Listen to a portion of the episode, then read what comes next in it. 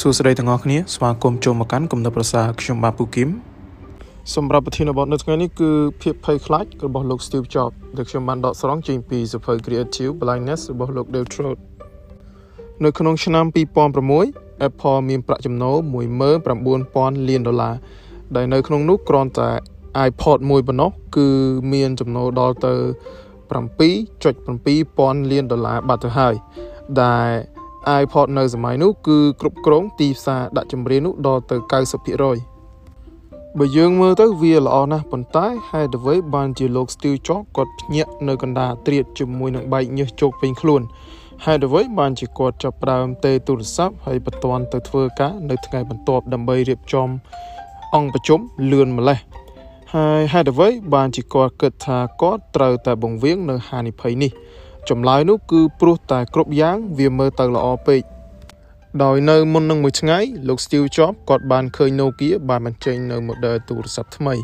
បើយើងមើលទៅវាគ្រាន់តែធម្មតាទេ បាទគេចេញ model ទូរស័ព្ទមកថ្មីហើយមាន filter ឬក៏មុខងារតិចតួចដែលនៅក្នុងនោះគឺមានមុខងារមួយ ដែលអាចឲ្យយើងទាញភ្លេងបាន6បទចូលទៅក្នុងទូរស័ព្ទវាដូចជាមិនមានប្រយោជន៍ធំធេងណាស់ទេ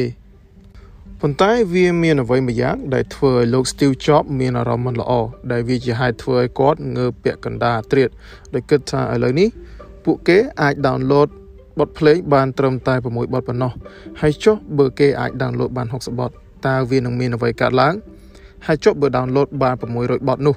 នេះប្រហែលជាចំណុចអវសានរបស់ iPod ហើយ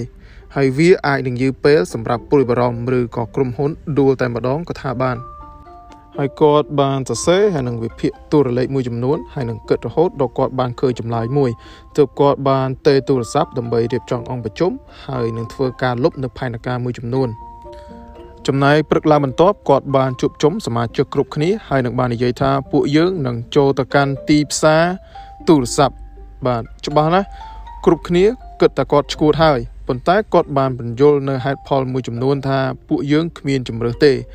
បើសិនជាពួកយើងមិនស៊ី Nokia ទេ Nokia នឹងស៊ីពួកយើងហើយទៅឆ្នាំ2007 Apple បានបញ្ចេញនៅ model ទូរស័ព្ទមួយដែលមានឈ្មោះថា iPhone ហើយនៅក្នុងឆ្នាំ2009 iPod នៅតែរកប្រាក់ចំណូលបានដល់ទៅ8000លានដុល្លារចំណែកឯ iPhone គឺរកបានត្រឹមតែ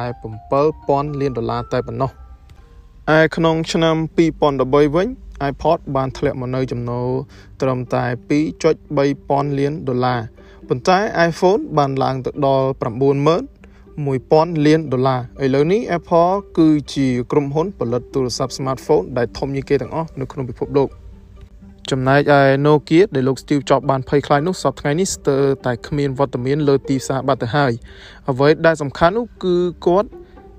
មានភាពភ័យខ្លាចបារម្ភចំពោះ Nokia ប៉ុន្តែចំពោះ Nokia វិញគឺមិនបានភ័យបារម្ភពីគាត់ឡើយជាចុងក្រោយភាពភ័យខ្លាចនឹងឲ្យអ្នកនៅញៀននៃការប្រកួតប្រជែង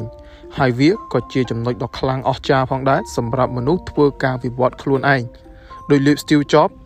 គាត់បានដឹងថាភាពភ័យខ្លាចគឺជាមិត្តភ័ក្តិរបស់គាត់សូមអរគុណពីខ្ញុំពូគឹមសូមជម្រាបលា